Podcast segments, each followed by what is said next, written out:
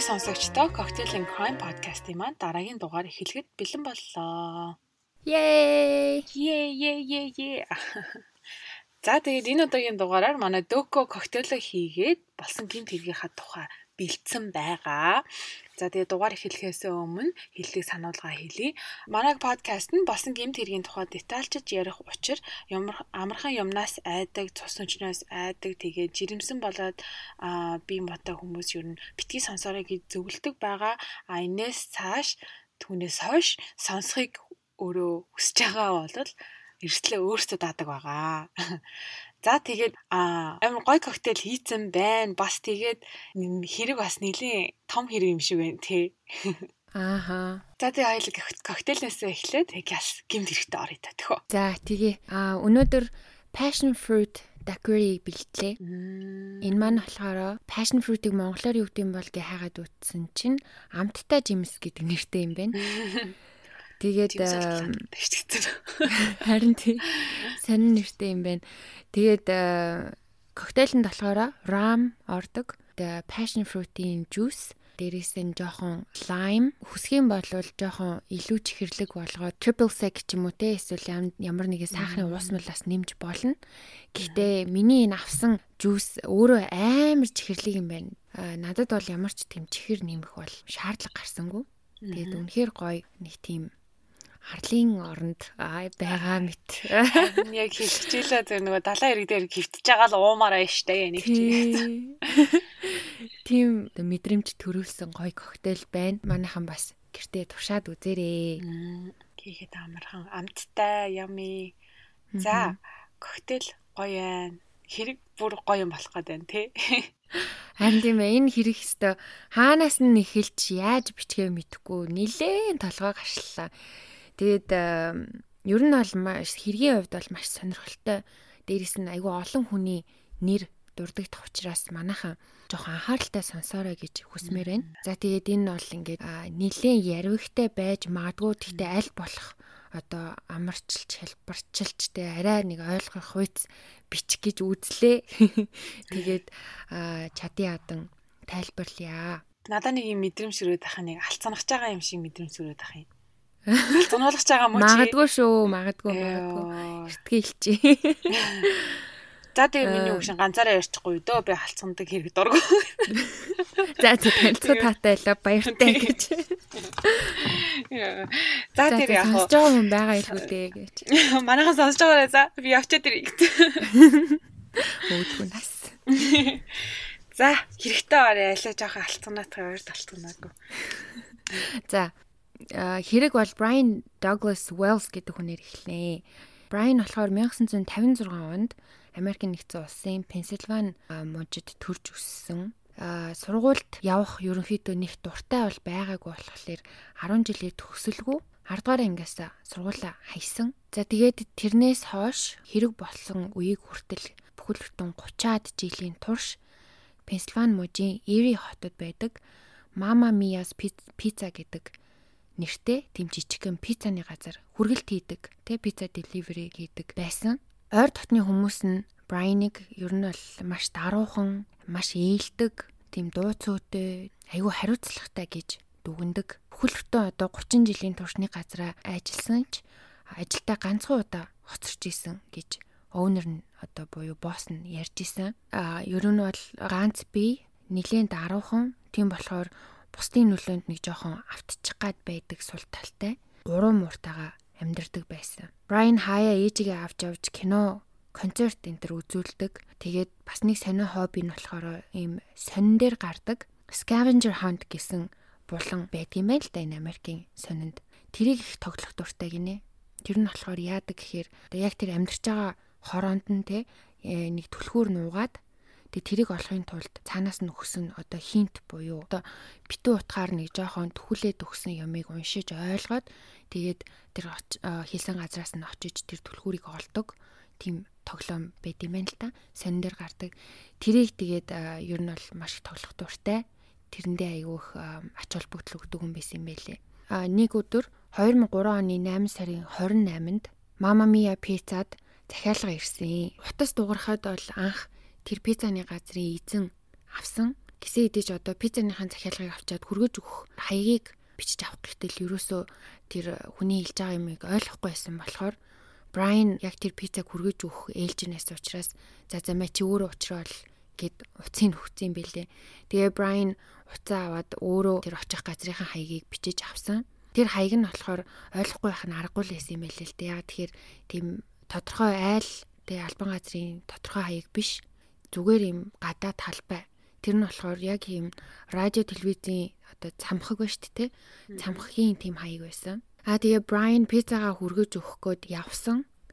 Гэтэл удалгүй Брайан PNC гэдэг нэртэй банкн дотор гэс буюу одоо та тий таагаараа гэсэн үг биччихсэн. Тим цагаан потолк өмссөн. Тэгээ ингээд потолконд ороос нь юу нь мэддэхгүй овооцсон. Тэгээд хаяг тулчихсан. Тэр банкны тэлэрт цаас дамжуулдаг. Тэр цаасан дээр нь болохоор ерөнхийдөө бол 15 минутын дотор надад 250 мянган доллар өгөхгүй болвол энэ дэлбэрийн шүү гэд тиймэрхүү юм бичсэн. Тэгээ потолко ингээс өхөө харуулсан чинь тэр нь тесрэх бөмбөг байсан. Тэгээд ер нь бол цаашаа тэр цеф энтер гэсээр хагаад яагаад ч 15 минутанд амжихгүй байсан учраас ил байгаа бүх мөнгийг аваад яв гэд уутандаа хийж өгөөд Брайныг гаргасан байна. Тэр нь болохоор ойролцоогоор 8000 ам доллар байсан. Брайан мөнгө авчаад банкнд тавьсан байсан нөгөө нэг тавхтай чихэр идэг шүү дээ. Тэндээс нэгийг аваад штэ чихэр идээд ингээ гараа явж байгаа тийм бичлэг нь байгаа хгүй юу. Тэгээ пицца өргөж өгөхгүй гарсан хүн чинь юу генет яга банкн дээр юу болоо авчваа гэдгсэн чинь пиццагаа өгөхгүйд хэсэн газар нь очисон чинь хоёр хар арьсан залуу барьж аваад тэг хүзүүнд нь «Э, энэ одоо тесрэх бөмбөгийг зүүлчихсэн гэж хэлдэг. Брайанд өөрт нь 9 хуудас захиа шиг юм өгөөд дээрээс нь тэр таягийг өгсөн ба. Тэр захиаг нь уншсан чинь заавар байсан. Тэрэн дээр болохоор банк ороод 250 мянган доллар дээрэмдээд дараа нь хажууд нь байрлах Макдоналдсын гадаа одоо тэр Макдоналдс гээд бичсэн пайзных нь яг доор нэг чулуу байгаа. Тинчээ дараагийн газрын очих заавар байгаа гэд ингээ бүр юм 9 хуудас тийм заавар загтлаар биччихсэн. Тэр 9 хуудас заавар дотор болохоор банкны тейлерт өгөх захиа болон цагдаад өгөх захиа хүртэл байсан. Аа тэгээд зааврын дагуу Макдоналдс очоод дараагийнхаа зааврыг авчаад явж исэн чинь цагдаа нар машины зогсоогоод Брайныг бүсэлж авдаг яг тэр барьчилгааны үеийн бичлэг байгаа. Бичлэг дээр болохоор гарын гавлаад газар суулгачаад тэгээд ингээд цагдаа нар ингээд өөрсдөө машинтайгаа жоохон зайнаас бүсэлчихсэн. Бүгдээр ингээд бууга Брайан руу чиглүүлчихсэн бэлэн байдалд зогсож байгаагаар дүр зур гардаг. Тэр үедээ мэдээж Брайан энэ миний буруу биш те. Би ингээ олцлогдсон. А надад ингээ хоёр хар арьстан залуу миний хүзүүнд ингээ бомб тонголчихсон би ингээ зааврын дагуу явж гин би зааврын дагуу банк дээр имцэн гэж хэлдэг. Надад нарын нэг нь Брайан дээр очиж гав зүгтээ потолкийн ингээ жоохон хайчлаад дотор байгаа юм харсан чинь үнэхээр тесрэх бөмбөг байсан. Тийм учраас шууд тэд нөгөө заагаа аваад тэгэд нөгөө бомб сквад буюу одоо нөгөө мэржлийн тесрэх бөмбөгийн хүмүүсээ штэ тийм хүмүүсийг дуутчихад тэгээ хүлээж байгаа нь тэрлээ мэн л да. Тэр хооронд Брайан хөөрхөн амтан маш тайван байгаа харагдсан. Нилээн тайван байжгаад гинт нөгөө бомб нь яг кинонд дэр гардаг шиг дуграад эхэлсэн. Тэгсэн чинь Брайан жоохон сандраад хүү энэ дэлбэрхээ тах шиг байна маа гэд. Тэгээд удаагүй байж итэл нөгөө угарж байгаа юм нь улам одоо тавтамж нь ойртоод удалгүй дэлбрээд Брайан харамсалтай газар дээрээ нас барсан. Тэр үед зам маш их төгжрээтэй байсан учраас тесрэх бөмбөгийн одоо багийнхан Брайныг нас барахаас яг 3 минутын дараа ирдэг. Гэтэл мэдээж Брайан тэр доороо амьсгал хураасан байсан. Цээжинд нь тагсан гарны хэмжээтэй нүх гараад ингээд дэлбэрчихсэн байсан гэсэн. Тэгэхээр бүр ингээд секундын дотор нас барчихсан. За тэгээд энэ үйл явдал Америк төдийгүй ер нь дэлхийд болж байгаагүй маш сонир хэрэг болсон. Энэ хэрэг дээр болохоор банкны дээрэм хүн амны хэрэг гээд одоо янз бүрийн зүйлс холбоотой байсан болохоор тухайн мужийн цагдаанараас гадна холбооны мөрдөх товчоо болон арх тамхи галт зэвсэг тесрэх бөмбөгтэй тэмцэх хэлцийнхэн хамтарч ингээ гурван байгууллага хамтарч энэ хэрэг дээр ажилласан. Энэ бол нэлийн хүнд ноцтой бас юу гэх юм бэ? Ховор хэрэг байсан учраас FBI Major Case номер 203 гэж бичигдсэн. Тэр нь одоо юу гэсэн үг вэ гэхээр холбооны мөрдөх товчооны одоо хамгийн том хэрэгүүдийн нэгээр бүртгэгдсэн байгаа. Брайныг нас барсны дараа мөрдөн шалгах ажиллагаа шууд эхэлсэн. Энэ хэргийг хинч зохион байгуулсан бай. Брайан угаасаа л ер нь анханасаа л өөхөх ёстой байсан нь тодорхой гэж одоо FBI-ын хэлдэг. Яагаад тэгэхээр одоо тэр биелүүлэх ёстой байсан бүхнийг нь биелүүлсэн ч гэсэн яагаад ч амжихааргүй байсан гэж аахгүй юу?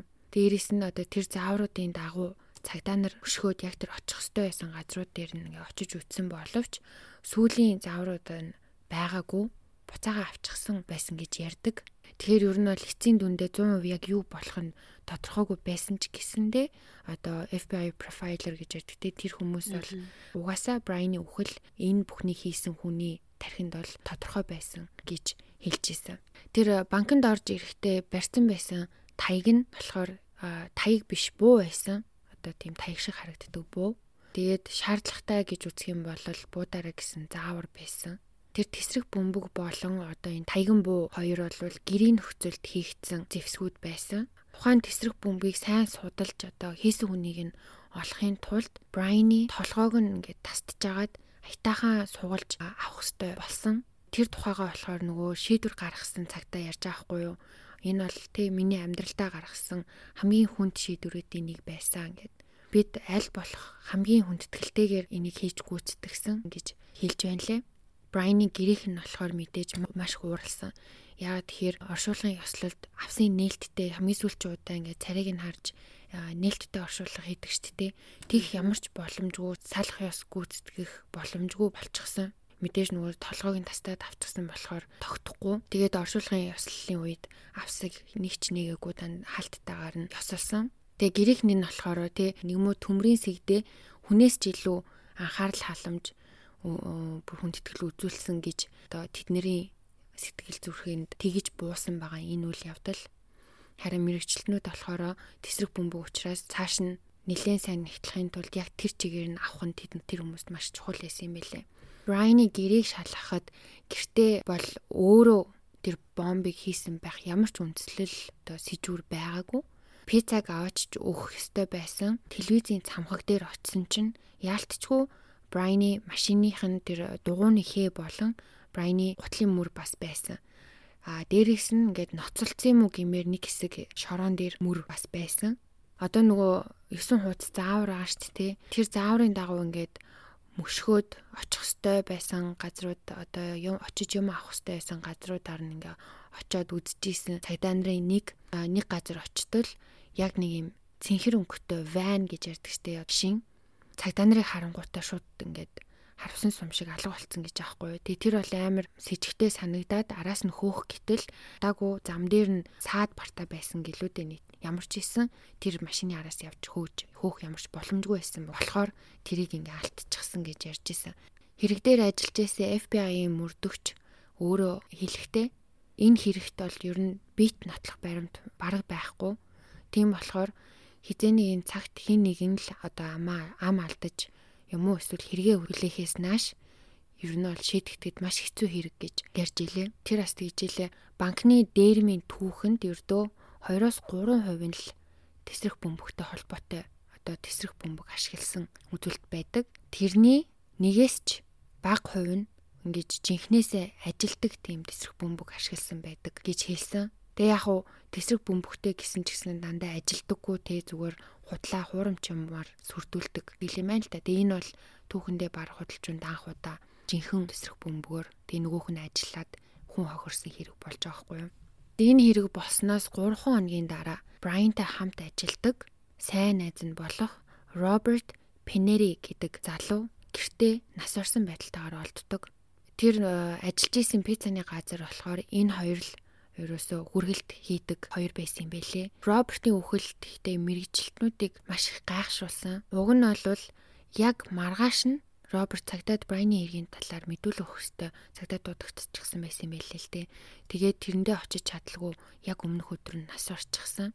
Тэр хүнийг нилээн мэдээлэл өгнө гэж цагдаа нар найцсан байсан. Учираас түүнийг ер нь санаатаагаар алчих уу яав гэж маш харддаг. Гэвч харамсалтай нь тэр харталтыг дэмжих ямар ч нотлох байрамд байгаагүй.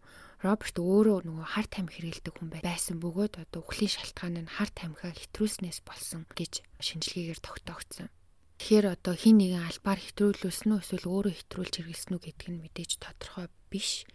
Тэгээд нотлох баримт байхгүй учраас хэрэг үүсээгүй ингээд тэр чигээр хаагдсан юм лээ. Энэ явдлаас 3-7 оны дараа буюу 9 сарын 20-нд За энэ одоо миний ярих байгаа дараагийн ярих байгаа юм жоохон толгой эргүүлж магадгүй шүү заяа. Сүулт нь ямар уялдаатай гэдэг нь гарч ирэн тэгэхээр сайн анхааралтай сонсоорой.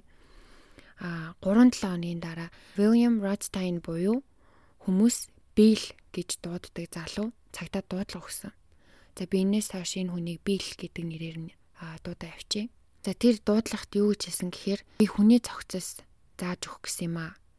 Миний танил Marjorie Dill Armstrong гэдэг эмэгтэй нэг хүний цогцыг хадгалахад туслаач гэж гуйсан болохоор нь би хөлдөөгчөндөө хийж хадгалж байсан юм аа. Одоо болохоор энийг устгахад туслаач гээд байна. Мод жижигэлж зүсдэг тийм машинд хийчий гээд байна. Би бол тэгж чадахгүй. Энийг одоо ирж шийдэж өгөөч гэж хэлсэн. Тэр дуудлагын дагуу биелээс мэдүүлэг авахар цагдаагийн газар дуудаад цагдаа нар гэрт нь очиж шалгахтал нэрээ биелийн хэлснээр цогцос тэр хөлтөөгчн дотор байсан. Тэгээд тэр хилээд байгаа Маржори гэдэг эмэгтэй нь яг хажуудлынхаа нь айлт нь амьдардаг байсан. Маржори гэртээ байсан учраас яг тэр дорн шууд баривчлаад хорч чадсан. Цогц нь болохоор хөлтөөгчөнд ингээд ихийн хөвлөд байгаа хүүхэд ингээд атралтцсан байдэн штэ тий. Яг тийм байралтайгаар бүр ингээд тас хөлтцөн тэгээ хар уутаар ороосон байдалтай байсан. Тэр цогцыг гаргаж авснаас хойш бүхэл бүтэн 4 өдрийн турш бүтэн гисхийн хүлээсэн юм аа. Тэгжээж нөгөө шинжилгээгээ хийсэн. Бүхлийн шалтгаан нь болохоор толгойдоо буудууснаас болсон. Тэгээд энэ хэний цогцос байсан гэхлээр тэр Marjorie гэдэг эмэгтэйгийн 10 жил үерхсэн найз залуу болох Jim Roden гэдэг хүний цогцос байсан. За тэгээд одоо Marjorie болон Bill-ийн тухай жоохон ярий. За энэ хоёр юу хүмүүс вэ гэхээр түрүүн хэлсэнтэй энэ хоёр зэрэгэлдээ амьдардаг хөршүүд. Тэгээ хөршүүдүүдийгүү энэ хоёрын энэ байшингууд нь яг нөгөө нэг пицца зөөлгүүлж авсан телевизийн цамхаг шүү дээ. Тэрний бүр яг хажууханд нь байдаг хауснууд. Marjorie Bill хоёр зүгээр ч нэг найзууд биш. Бүр 60 70-аад оны үед залуу байхдаа үерхдэг байсан осууд байсан юм байна лээ. Одоо болохоор яг зүгээр найзууд гэж явах юм уу та. Би л болохоор ер нь бол уран гартай хүн юм байна. Энд тэнд сантехник янз бүрийн засварын тийм жижиг шажиг ажил хийж явдаг. Ер нь бол өөрийгөө бусдаас илүү ухаантай гэж боддог. Тэрийгээ ч ер нь бусдад хэлдэг, ярьдаг юм бэлээ. Тэрний ярилцлага үзчихсэн чинь Биллээс мэдүүлэг авахар FBI-ийн мөрдөгч өрөөнд орсон чинь Билл шууд тэгж хэлсэн гэсэн. Энэ өрөөнд байгаа хамгийн ухаантай хүн нь би гэж хэлсэн гинэ. Тэгээ нөгөө мөрдөгч нь гайхаад ингээ эргэн тойрны харсан чинь тэр хоёр хойлохна өрөөнд исэн гэж аахгүй юу. Тэгэхээр ер нь бол мангар онгороо тэгээ ер нь би амар ухаантай гэж ярьж авдаг хүн байсан юм байлээ. Маржери болохоор бас маш ухаантай амар толгойтой эмэгтэй байсан гэж байгаа. Хүмүүс ярихтаа болохоор Маржеритэй нэг л уулцсан болвол салахын аргагүй нэг тийм амар сонирхолтой эмэгтэй байсан гинэ. Тэгээ дээрэс нь айгүй тийм үзэсгэлэнтэй гоё бийтэй хүүхэн байсан. 10 жилдээ болохоор маш амжилттай сурч төгсөөд бакалавр болон магистрийн зэрэгээ ч гэсэн аваад амжчихсан. Тэгээ нэлээд чинэлэг айлын эрх охин байсан юм байна. Тэгээ харамсалтай нь 20 дөнгөж гараад Маржори сэтгцийн өвчний шинж тэмдгүүд илэрч эхэлсэн. Өөрөө ч бүр өөрийгөө сүлдө ойлгохоо байгаад сэтгц мэдрэлийн эмчтэр очиж исэн юм байна. Тэрнээс хойш нэлээд одоо олон жилийн туршид янз бүрийн онш сонссон. Тэгээ тэр оншин дунд нь болохоор bipolar буюу одоо нөгөө Элиса ламын хэрэг дээр дэлгэрэнгүй ярьж ирсэн шүү дээ. Тэр хоёр туйлт эмгэг гээд. За за bipolar. За дээрээс нь аа нөгөө mania гэж бас ярьж ирсэн. Тэр тэгээд narcissism. Дээрээс нь anxiety буюу одоо сэтгэл түгшил. Бас ингээд чалчаал идэг. Тэгээд юу яриад байгааг нь ойлгохгүй хүмүүс идэг штэ. Нэг юм ярьж байгаа л дахиад шал өөр юм руу ингээд гинт яриад үргэлжлүүлээл ингээл яриад идэг. Тэгээд Тий. Тэгээ ингээ харилцан ярьж байгаа хүндээ ямар ч ярих боломж олгодгүй. Нэг тийм одоо англиар болохоор pressured speech гэж хэлсэн. Гих зэрэг онш сонссон юм бэлээ. Яг ер нь бол багасаа ажил хийдэггүй, нэг ажилдаа удаан тогтож чаддаггүй хүн байсан. Тэгээ аав ээж нь яг нөгөө мөнгөтэй хүмүүс учраас угаасаа эрхлүүлж хоёрч байшин авч өгсөн, дээрээс нь машин авч өгсөн. Нэг ажилдаа удаан тогтож чаддгүй учраас сар бүр бас мөнгө өгдөг гэсэн юм байна. Бас нэг сони юм нь болохоор эрчүүд Marjorie бүр амар амархан олтчдаг байсан гэж аахгүй юу. Тэгсэн мөртлөө үерхсэн ирчүүд нь дандаа золгүй явдлаар нас барчаад идэв гэсэн. Тэгээд нэг биш, хоёр биш, бүр таван залуу тэгж янз янзын байдлаар нас барцсан байгаа. Шулам юм ааш. Харин тийм. Жишээ нь гэхээ заяо. Нэг найз залуу нь Маржорийг тэднийхээс нүгээд удааг байхад нь амиа орлсон гэж байгаа. Амиа орлсон гэдэг нь бас одоо асуудалтай. Яатсан юм бэлээ. Нэг залуутай болохоор гэрлээд хэсэг хугацааны дараа тэр нь алтарч унаад толгоогоо ширээн цохоод тэг имлэг твтэж агаад удалгүй нас орсон. Тэгээ болоогүй тэр имлэгийг ажлаа одоо цалгар хийсэн үл тоосон тэрнээс олж нөхөр маань нас орчлаа гэж шүүхтэд ялаад за 170 мянга гэлүүдээ айгүй их мөнгө тэр имлэгээс салгаж авсан билээ. Бас 1984 онд бас нэг найз залууга алсан гэж баривчлагдсан боловч тэр нь биеийн хамгаалалт байсан гэж итгүүлсэн болохоор яллагдаагүй шууд гараад ирсэн. Аа. Одоо тэгээд сүүлийн найз залуу болох одоо нөгөө Jim Road нэ шүү дээ. Тэрний хэрэгээр ингээд баривчлагдчихж байгаа байхгүй юу? Үлдөвчнөөс олцсон. Marjorie болохоор би Jimmy-г юусоо алаагүй, Bill алсан гэж анханасаа бүр гавлуулснаас хойш орилж эхэлсэн. Надтай эргэж нийлхийн тулд тэр алсан гэд ингээ гүрийгээд байсан. Тэр хоёр нөгөө пицца зөөгч залуу Брайны хэрэг эхэлсэн газарш нөгөө цамхаг телевизийн цамхаг тэрнтэй маш ойрхон амьдардаг гэсэн гэж хэлжсэн шүү дээ. Тийм болохоор нь энэ юу н жоохон холбоо сүлбэтэй байж магадгүй гэж цагдаагийнхан жоохон хардаад тэр тухай асуухад тэр хоёр хоёлаа өстой мэдхгүй тэрний тухай бол өстой мэдхгүй гэж хоёул хоёлаа тэр хэрэгт холбогдлохгүй гэдгийг хэлцгээж байсан. Харин тэр хөрөгчнөөс гаргаж авсан хүнийг болохоор нэг бол Marjorie алсан, нэг бол Bill алсан гэх нэг нэг рүүгээ чихээд байсан. Аа. 5 сарын дараа тэр үлдөөгчнөөс олцсон хүний шүүх хурал болоод Marjorie буруутай гэж тогтоогдсон ч сэтгцийн өвчтөйгээд 7-оос 12 жилийн ял ялаа эдэлж дуусаад сэтгцийн имлэг твтэж эмчлүүлэх ёстой гэсэн шийдвэр гарсан. Аа. Би л болохоор нөгөө цогцос мэдээж нуухад тусалсан хэдий ч цагдаа нарт өөрөө дуудлага өгөөд тэгээд дээрээс нь маш их тус болж исэн энэ хэрийг шийтгэхэд ингээд туслаад бүгдийг бүх үннээ хэлээд айгүй хайтаахан байгаад байсан болохоор нь нилийн өнгөн ял өгөөд нэг хитгэн жилийн ял авсан юм байлээ. А ял авсныхаа дараа Marjorie би эксийг алаагүй. Бэл алсан гэдэг байр суурин дээр ингээ бүр бат зогсож исэн. Тэрнээс гадна Бэл тэр пицца бомбрын хэрэгт бас буруутай гэж ярьж эхэлдэг. Тэгсэн ирнэ яг яагаад буруутай ямар холбоотой гэдгийг огт хэлдэггүй. Удалгүй Бэл 2004 оны 7 сард биеийн муудаад тэгээ шууд эмнэлэгт хүргэгдээд удалгүй буюу 7 оны дараа одоо 60 настай байхдаа цусны хорт авдраар нас бардаг. Бэлийг нас барсны дараа нэх удалгүй Маржри гинт эксгээ өөрөө алсан гэж үннээ хэлдэг. Тэгснээ эрний хүүхнээс олж хэрэлдээд тэгээд миний дургу үрээд буутчихсан гэд хэрэгээ үлээчтэй. Аа. Гэхдээ бас яаж зүгээр ах вэ? Бас нөгөө сэтгцийн өвчин рүүгээ буруугаа тоох гэж оролдож исэн. Би тухайн үед одоо эрүүл сарвал ухаантай байгаагүй байгаагүй гэд Маржри одоо шоронд авах хугацаанд цагдаа нар руу байнга холбогдоод би одоо өөр олон хэрэгүүд мэднэ. Хэрэгтэн олгочин би тусалж чадна. Тэгээ оронд нь одоо миний ялыг хөнгөлөөд өгч юм уу, намайг тийшин шилжүүлж өгч юм уу те ингэ наймаалцах гад хит хит удаа оролдож исэн боловч цагдаа нар ерөөсөө тоогоогүй. Тэгэхээр нь Маржри шууд би тэр пицца бомбрын хэргийн тухай мэднэ. Бэлийг энэ хэрэгт холбоотой гэдгийг наталж чаднаа гэж хэлэхээр нь анханасаа бие холбоотой гэд орилоодсэн шүү дээ. Тэгээ бас дээрээс нь сая ингээ хэлчихсэн учраас энэ юу н өөрөө мэдж байна гэдэг чинь өөрөө бас холбоотой байж магадгүй гэж үзээд гэрт нь нэгжлэх их ирэх авсан. Тэгээ гэрт нь нэгжлэх хийж байгаа нэг цагтл олдог. Тэгээ энэ бол цагдаа нарын одоо миний бодлоор цагдаа нар маш сайн ажилласан гэж ботсон. Ягаад тэгэхээр Marjorie ч өөрөө нөгөө сэтгцэн өвчтөө Тэгээд сэтгцэн өвчтөө хүмүүс нөгөө хуурдрууд айгүй их байдаг шүү дээ. Амар навшаа цуглуулдаг. Гэрээ цэвэрлдэггүй. Ингээ шалан харагдахгүй болтлоо навшиндаа дарагдсан байдаг хүмүүс байдаг шүү дээ. Тийм байсан. Тэгэхэд тэр олон амар навшин дундаас ганцхан захиа, маш чухал захиа олж тэгээд тэрийгээ бас хэрэгтэй холбож чадсан нь бас энэ цагдаа нарын маш сайн ажилласан ажиллагаа юм болов уу гэж юм шиг надад санагдсан.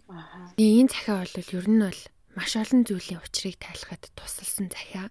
Энэ дээр болохоор PNC гэдэг нөгөө манайхан санаж байгаа бол нөгөө Briny дээрэмцэн банк штэ тий. PNC гэдэг банк руу Marjorie амар ууртай ууралсан тийм захиа бичсэн байсан. Гэтэ явуулаагүй. Яагаад энэ банкнд Marjorie амар ууралсан бэ гэсэн чинь тэр банкнд одоо тэдний гэр бүлийн одоо үнэт зүйлсээ хадгалдаг тийм хадгаламж байсан юм байна л та.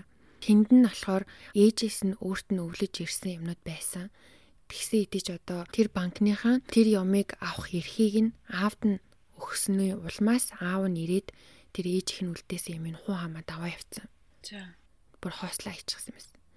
Тэгэнгүүт одоо нөгөө ээжээс нь өвлөж ирсэн юм авч чадхааргүй болоод аа дээрэс нь аав нь бүгдийг нь авчаад өөрт нь өгөхгүй байсан учраас аавда болон банкнд бүр маш их ууралсан. Маржри эннээс болоод аавгаа алаад өв залгамжлагч нь болохыг хүссэн юм байна л да. Тэгээ аав нь одоо ингээд ганц охиндоо эн чинь айлын ганц ахгүй юу? ганц охиндоо мөнгө төгрөг өгөхгүй харж хандхаа болоод удчихсан байсан. Мөртлөөсөө өөрийнхөө ойр тойрны түгээр танилуудтай, хуршүүдтэй, зүгээр найзуудтай маш их мөнгөөр туслаад бүр ингээд байшин байр авахт нь туслаад, машин авахт нь туслаад, тэгээ нэг удаа бүр явдаг сүмдээ хүртэл 100 сая долларын хандив хүртэл өгсөн байгаа хгүй юу. Тэгээ ингээд ойр тойрныхон хүмүүст мөнгөө цацаад байсан мөртлөө маржрид юу ч өгөхгүй байсанд нь бас маржри амар ууралсан. Яагаад маржрид өгөхгүй байсан тухай аваас нь сүлд асуусан чинь юу яасан гэсэн. Нөгөө багаас нь амар эрхлүүлээ өсгцэн. Тэгээ жоохон сэтгц мэдрэлийн өвчтөй болоод эренгүүтээ хэрэг төвөгт орооцолтоод эхэлсэн гэж байгаа. Тэгээ хэрэг төвөгт орооцолтохороо мэдээж дандаа аав ээж нь мөнгөний төлж авч гаргана тий. Тэгээ мөнгөтэй ахаараа л ер нь хэрэг төвөгт орооцолтчод байсан гинэ. Тэнгүүт нь ерөөсөө за за энэ мөнгийг айгу буруу юмд ашиглаад байна. Гэт илүү тийм мөнгө төгрөг өгөхөө болчихсон гэж аахгүй юу. Аав нь одоо нөгөө хамаг мөнгөө тараагаад цацаад ахаар одоо маржригийн толгойд болохоор тэгж бодох юм шиг байгаа. Энэ бол надад өв залгамжилж ирэх хэвээр мөнгө. Тэгэхээр энэ миний мөнгийг ингээд цацаад байна гэж харсан учраас ингээд цацаад дуусгаас өмнө авахын тулд аавгаа алхаар шийдсэн. Өөрөө биш хүн хөсөлгөөр шийдсэн байгаа. Тэгээд хэнийг хөлсөлсөн гэхээр тэр нь болохоор Kenneth Barnes гэдэг нэртэй хүн байсан. Тэр нь болохоор хар тамхи зардаг Marjorie-гийн загсан тамд явдаг тийм найз нь байж л тээ. Аа. Кеннет мэдүүлэг өгөхдөө болохоор Маржери ч угаасаа галзуу штэ. Нэг удаа бүр надаас манай аавыг халаад өгөөч гэж хүртэл гуйж ийсэн штэ гэд ингээ хээвнийг ярьсан тийм бичлэг байгаа хгүй юу.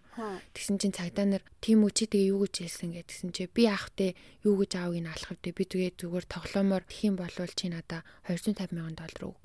Тэгээд би тэрнийхээ 100 сая долларыг урчилж аав шүү гэд хэлчихсэн. Тэгтээ мэдээж би алахгүй л байсан л та энтергээ яриад авахгүй. Би бол өстой орхоо шавчиж алж алах дургүй хүн хүмүүс ингээд бууг мууг намнаад бууг мууг буудахлаар би бүр уйлдаг хүмүүн гэн. Шаал мэдгүй би бол тэнд нийтгээгүй. Тэгэж ярьж байгаа мэдүүлэг байгаа. Кеннет уудалгүй одоо өөр хэрэгээр шоронд орчихсон байсан үед Кеннетийг цагдаа нар сэжиглээд а яг энэ пицца бомбрын тухай ер нь нилээн тэ хатуу байцаалт хийхээр шидээд байцаалт авсан. Тэгсэн чинь Кеннет байцаалтын үеэр үннээ хэлчихдээ. Кеннетийн хэлж байгаа болохоор Маржри авгаа алах гад төлөвлөгөө гаргасан. Маржри бол ер нь энэ бүхний санаачлагч, тэ толгойлогч нь. Бомбыг болохоор биел хийсэн. Харин бусдад нь болохоор мөнгө амлаад одоо энэ юмдаа оролцуулсан гэж байна. Тэдний төлөвлөгөө болохоор банк дээрэмдээд тэгээ тэр мөнгөө энэ Кеннетэд өгөөд тэр нь болохоор Маржригийн аавыг алах одоо хөлсний мөнгө болж байгаа байхгүй юу? Тэгээд одоо банк ингээ дээрэмдээ дээрэмдэхэд явчихаар хүн байна уу гэд эрэл сурал болсон чинь Кеннетинд байдаг нэг бие үнэлэгч хүүхэн Джессика Пупсик гэдэг нэртэй хүүхэн Брайныг санал болгосон. Брайн болохоор Джессикагийн байнгын үйлчлүүлэгч байсан юм бэлээ. Кеннет нөгөө нэг хар тамхи зардаг хүн гэж хэлж хэлжсэн шүү дээ. Тэдний хаус нь болохоор жижиг бизнес гэх юм шиг нэг тийм жижигхэн юм явагддаг байсан байхгүй яа тэгэхээр Кеннет тэнд нь хар тамхиа зараад тэгээ биеийн үнэлэгчэд ээлж ээлжээрээ ирээд тэр одоо дэд давхарт нь үйлчлүүлэгч авч ордог. Тэгэнгүүт хүмүүс ирээ Кеннетээс хар тамхиа аваад хүүхнээ аваад тийшээ гардаг нэг тийм операшн байсан баахгүй.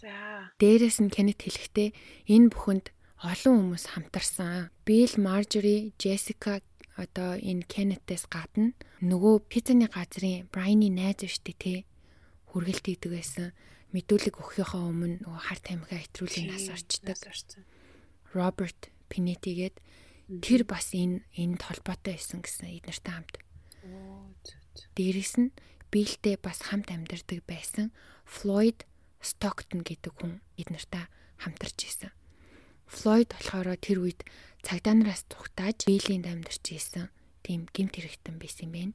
Ямар хэрэг хийсэн гэсэн чинь хөгжлийн бэрхшээлтэй охиныг хүчинтсэн хэрэгээр ерэн сурвалжлагж ийсэн. Хм. Чангаар сайтай би яасан. Тэгэд энэ залуугийн үүрэг нь болохоор Брайны хүзүнд нөгөө бомбыг нь холбох ёстой байсан юм байна л та. Тэгсэн боловч тэр өдөр тэр хүний хэлснээр болохоор нөгөө биелээ штэ тэ толгойлогч нь тэрний харцнаас нь амар айдас мэдэрсэн учраас энэ хоёр юу н амар айгаад байгаа юм байна гэд өөрөө ч ихсэн айгаад цугтаацсан байгаа байхгүй юу. Ер нь бол одоо энэ хүнийг ингэж бүх хүннээ хэлэх хүртэл одоо энэ хооронд цагдаа нар мэдээж ажлыг хийсээр л байгаа шүү дээ. Баг багаар ер нь бол Бил Маржери хоёрыг тэр пицца бомбрын хэрэгтэй холбоо сүлбээ олоод ажил нь урагшилж исэн байна лээ. Яасан гэхээр одоо нөгөө хүлдүү цогцыг гаргаж авахар Билинд очицгоосон шүү дээ цагдаа нар. Тэгээ тэр бүх процессыг хаалгаар үүдээр ороод үүдээр гарах хүртэл видео бичлэгт буулгасан байсан. Эргээд тэр бичлэгийг энэ цагдаа нар нягтлаад үзсэн чинь ширээн дээр нь байсан цаасан дээр ингээд диаграм зурсан байсан. Тэр зурагных нь одоо сум нь айгүй танил харагдаад байна. Тэгээ нөгөө 9 хуудас зааврыг гаргаад ирсэн чи яг нэг хүн зурсан юм шиг тийм сумнууд зурчихсан байсан. Энэ бас энэ цагдаа нарын бас маш мундаг ярхаа ажилласан юм уу гэж харж исэн. Дээрээс нь Бэйлийн бичгийн хэв нь заавар дээрх бичгийн хэвтэй бэлгэнхэн таарж исэн. Тэгээд бомб дэлбэрсэн өдөр нөгөө нэг цагта зааврын дагуу явж байгаа нэг байгаа нөө цэнхэр микро автобус шиг нэг машин харсан гэдсэн шүү дээ. Тэгсэн чинь тэр нь Бэйлийн машинтай яг адилхан байж таарсан. Гэтэ яг хуу тэр машина яг хэрэг болсон өдөр өөр газар руу ачуулаад тэг бүр сүлд нь буцааж авчирсан болохоор мдээгүй анзаараагүй өнгөрсөн байсан юм байлээ. Бас нөгөө биел гарын уртай гэжсэн шүү дээ. Тэгээд тэрийгэ ашиглаж бомб хийсэн энтер гэдгийг ингээд ерөн сэжүүр олцсон ингээд мөрдөө явж исэн юм байлээ. Харамсалтай нь яг энэ бүхнийг олж мэдсэн үед бил угаасаа алидийн нас орсон байсан. 2008 оны сүүлээр Кеннетийн шүүх хурал болоод энэ хэрэгт холбогдогч этгээд гэж үтсэн учраас 45 жилийн ял авсан. Харин Маржери болохоор 2008 онд шүүгч тэрийг сэтгцийн өвчнөөсөө болж эрүүл ухаанаар шүүгт оролцож чадахгүй гэж үтсэн учраас хэсэг хугацаанд эмчилгээнд явж агаад гайгүй болохоор нь буцаад шүүх хурлыг нь эхлүүлэх тийм шийдвэр гаргасан. 2010 онд боломжтой одоо энэ ингээд шүүх хуралдаа өөрөө эрүүл саруул ухаанаар оролцох хэмжээнд хүрсэн гэж үтсэн учраас түүний шүүх хурал нь эхэлсэн. 2011 оны 2 сарын 28-нд эцсийн байдлаар шийдвэр гарч зэвсгэлсэн дээрэм банк дэвсгэрлэж дээрэмдхийг санаачилсан, хувилдсан, мөн хөнөөлт зэвсэг ашигласан гэсэн үндслээр насаар нь хойрох ял өгсөн. Харамсалтай нь одоо хэнийгч Брайны үхэлд шийтгэж чадаагүй. Энэ бол зүгээр яг нөгөө цэвэр галт зэвсэг ашигласан банк дээрэмцэн гэсэн үндслээр ялсан байгаа. Хүмүүс болохоор Брайныг янз бүрээр ярьдсан байлээ. Зарим нь болохоор энэ хэрэгт Брайан өөрөө холбоотой ажиллаж исэн. Тэгсэн боловч одоо нөгөө эднэрийн энэ бүтэн одоо төлөвлөгөө гэдгийг те үннийг мдээгүй байх гэж таамагладаг. Одоо энэ таамаглалыг дэмжиж байгаа юмнууд гэх юм бол нэгдүгээрт Маржери өөрөө нөгөө шоронд ахта шоронгийнхоо хоригдлуудад ярьж байхдаа нэг удаа ингэж хэлсэн байхгүй. It's not like we didn't measure Brian's neck гэдгийг одоо Brian-ы хүзүүгийн ер нь бол бид нэр хэмжиж үтсэн гэсэн утгатай үг шүү дээ тий. Дээрээс нь Брайан яагаад хар арьстай хүмүүс энийг надад угуулсан гэж харин тий. Бусдыгаа хамгаална вэ тий. Хэрвээ өөрөө холбогдлого байвал энэ хүмүүсийг чинь тань штэ одоо энэ ядчил биеийн үнэлэгчээ тань энэ хар тамхи зардаг залуу тань. Тэгэхээр нэрийг яагаад хэлж болоогүй юм бэ тий яг өгөхийнхээ өмнө. Тэг хамгаалсаар байсан нь аюу хамсаатан гэж хартуулах юм болсон. А яг нөгөө яг жинхнээсээ дэлбэрчин гэж бодоагүй нөгөөдөл нь айгуул энэ хуурамч муурамч гэж хэлээд явуулсан юм байх магадaltaй гэж хүмүүс үздэг. Тэгээ дээрэс нь Кеннет хэлэхдээ болохоор дэлбэрэлт болохоос өмнөх өдөр нь эднэр ингээ бөөнөрөө хурал шиг юм хийсэн байхгүй тэнд нь Брайан хамт байсан гэж хэлдэг. За гих мэтчлэн одоо зүйлсүүд дээр үндэслээд хүмүүс Брайан бол энэ operation-д те өөрөө нэг хэсэг нь байсан. Гэхдээ яг 100% дүрсэл одоо 100% планыг мдээгүй байсан байх гэж ярьдаг. Зарим нь болохоор Брайан бол огт мдээгүй байсан. Энэ бол цэвэр хохирогч гэж ярьдаг. Тэрнийг дэмжих юм нь болохоор нэг тийм бас хүчтэй биш л те ганц хэлж байгаа хүн нь нөгөө нэг биеийн үнэлэгч хүүхэн л хэлдэг. тэр бүр сүулт энэ бүх тухай ярьдаг байхгүй юу. Тэгтээ болохоор тэгж хэлжсэн. Bill Bryan-ыг олж ирсэн надад угаасаа мөнгө амлсан. Брайан бол ямар ч буруугүй Брайан энэ тухай юу ч мдээгүй гэж тэр хүүхэн хэлээд уйлж исэн. Тэгээ Брайан одоо Брайан миний байнгын үйлчлүүлэгчээс гадна бид хоёр маш сайн найзууд байсан тий айгүйх цагийг хамт өнгөрөөдөг байсан. Би Брайаныг маш сайн мэднэ. Брайан одоо өстө хорхоод хоргүй маш сайн хүн байсан гэд би өстө маш муухай юм хийсэн гэж хэлээ уйлж исэн. Аа. Тэгээ ер нь бол тэр хүүхний тим яриа дээрээс нь одоо гэр бүл найз нөхдийнх нь Брайан бол хизээч ийм юм хийхээр хүн бишээ гэж хэлж байгаас гадна энэ тухай нотлох юм байхгүй л дээ. Аа. Гэхдээ мас бол ер нь хоёр хуваагдсан байдгийн бэлээ энэ асуудал дээр. Тэгээд Брайан Роберт Пенери хоёрыг яагаад алахаар болсон гэхээр яг бас хүмүүсийн л таамаглалтай энэ тухай хинэнч үннээ хэлээгүй. Гэхдээ мэдээж энэ хоёрыг гэрчүүдэд цөөлхийн тулд тусгасан байж болцшгүй гэж хүмүүс ярьдаг юм байна лээ. Тэгээд яг 100% бүр ингэж хар цагаан шиг тодорхой биш ч гэсэндээ ерөнхийдөө бол хэрэг шийтгэцэн гэж үзэж байгаа. Зарим нэг юм нь эргэлзээтэй ч гэсэн яг бас бодвоштой юмнууд байгаа хгүй одоо жишээ нь за яг Брайныг ах үнэхээр алигээ ботцсон байсан байлаа гэхэд тэр Роберт Пенети өөрөө хар тамхи хэтрүүлж нас орсон юм уу эсвэл эднэрийн нөлөөгөөр хэтрүүлсэн юм уу те аллаггүй эсвэл үнэхээр золгүй явдал уу гэдэг нь бас тодорхойгүй.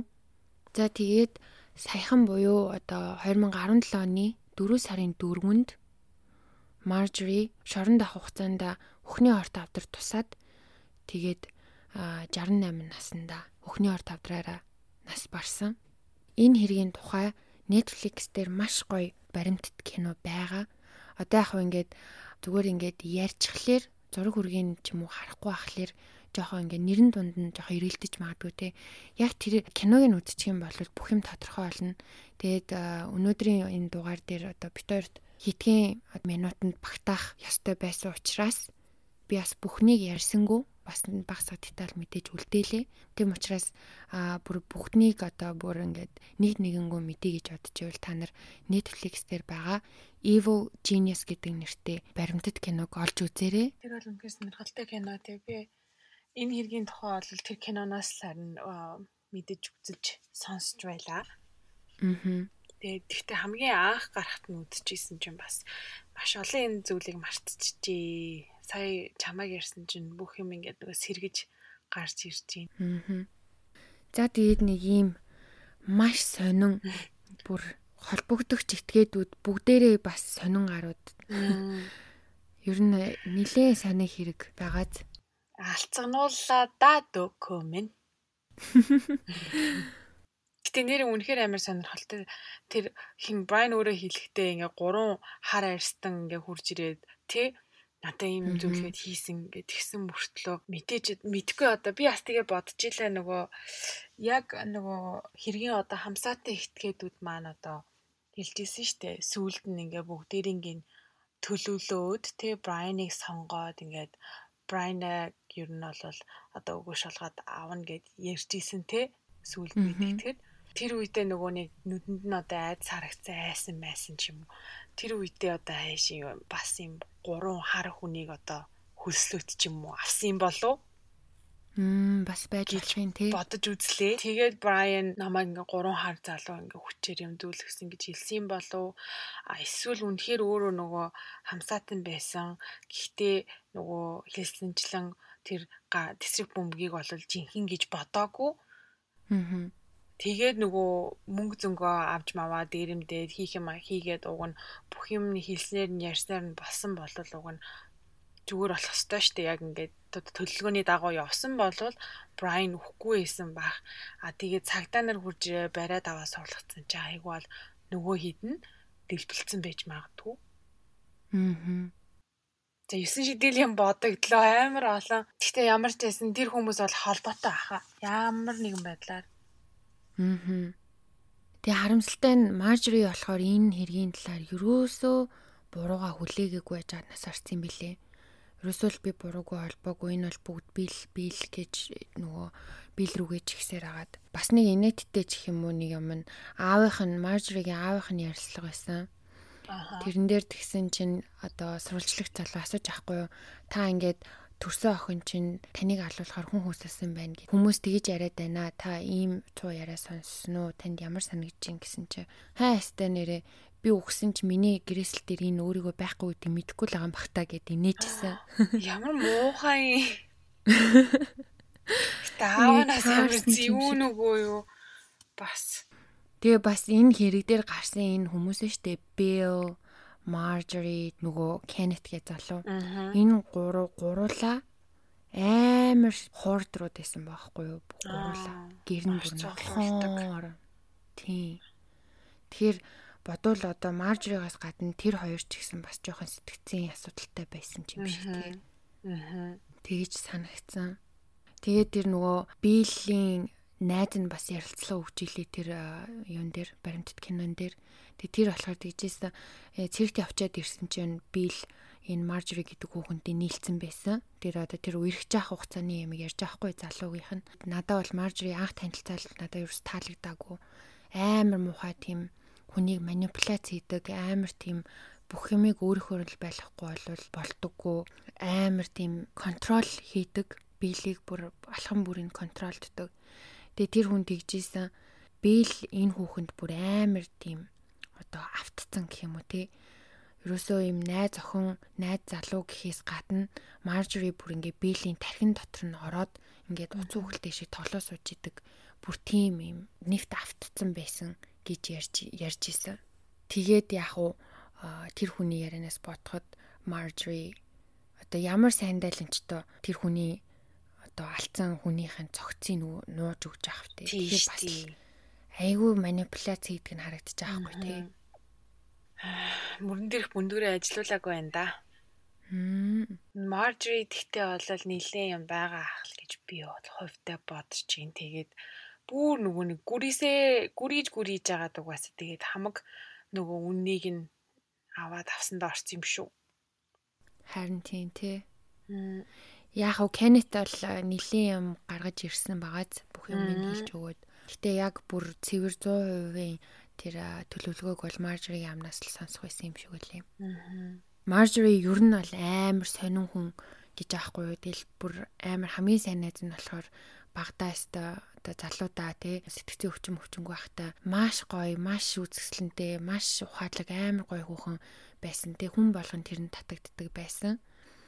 Тэгээ жоохон сэтгцийн юм нь эхлэхээрээ бүр амар болчтой байсан гэж аахгүй юу. Тэгээ тэр нөгөө нэг бие хамгаалалт гээд нэг хэрэгээс мултарсан штэ. Тийм. Найз залууга 6 будаа алдсан хэрэгээс тэгээ тех тухайн үед нөгөө Маржориг өмгөөлж исэн өмгөөлөгчөөс нь бас ярилцлага хасан байхгүй юу. Тэсэн тэр хүн дийжлээ. Яг тэр Маржориг өмгөөлж явах хугацаа бол миний амьдралын там байсан гэж аа. Аа. Тим хэцүү хүн бүр өстэй үнэн ядаргаатай хүн гэсэн. Тэгэл ер нь угаасаа тэр киноноос үзэхэд бол андшгүй үнэхээр эвгүйгээр илээ. Аа. Бага байдлыг харахаар. За нэг юм хэрэг байна. Я я я я я. Яста мартагдсан байсан хэргийг бүр амар санууллаа. Деталийг нь дахин дахин сонссон чинь бас алцганж байна. Гэтэ маш олон юу боломжит хувилбартай хэрэг байна манайхан ч гэсэн одоо толгой гашлахсан сонсоод сууж байгаа ах та. За тэгээд маш сонирхолтой хэргийг дахин сөхөж одоо урд нь сонсч исэн наачи хүмүүс ахын бол дахин сэргээж одоо сөхөж ярьж өгсөн дөөкөдөө маш их баярлаа. Тэгээд шинээр сонсож байгаа хүмүүс бол бас толгоогоо гашлахсан хин юм болоо яасан юм болоо гэд бас бодож байгаа байх гэж би бодож байна. Мэдээж энэ хэрэгтэй холбоотой зураг бичлэг те одоо линк линкийг манай Instagram болон Facebook page руу ороод харж болно шүү. Бас дээрээс нь одоо YouTube-ийн description хэсэг дээр доор тэр одоо тэр pizza bomb-ын яг нөгөө бичлэгийг наага тэрний линкийг оруулна наага шүү. За тэгээд манайхан сонсож байгаа платформ болгон дээрээ үнэлгээ өгөөд тавуу шүү.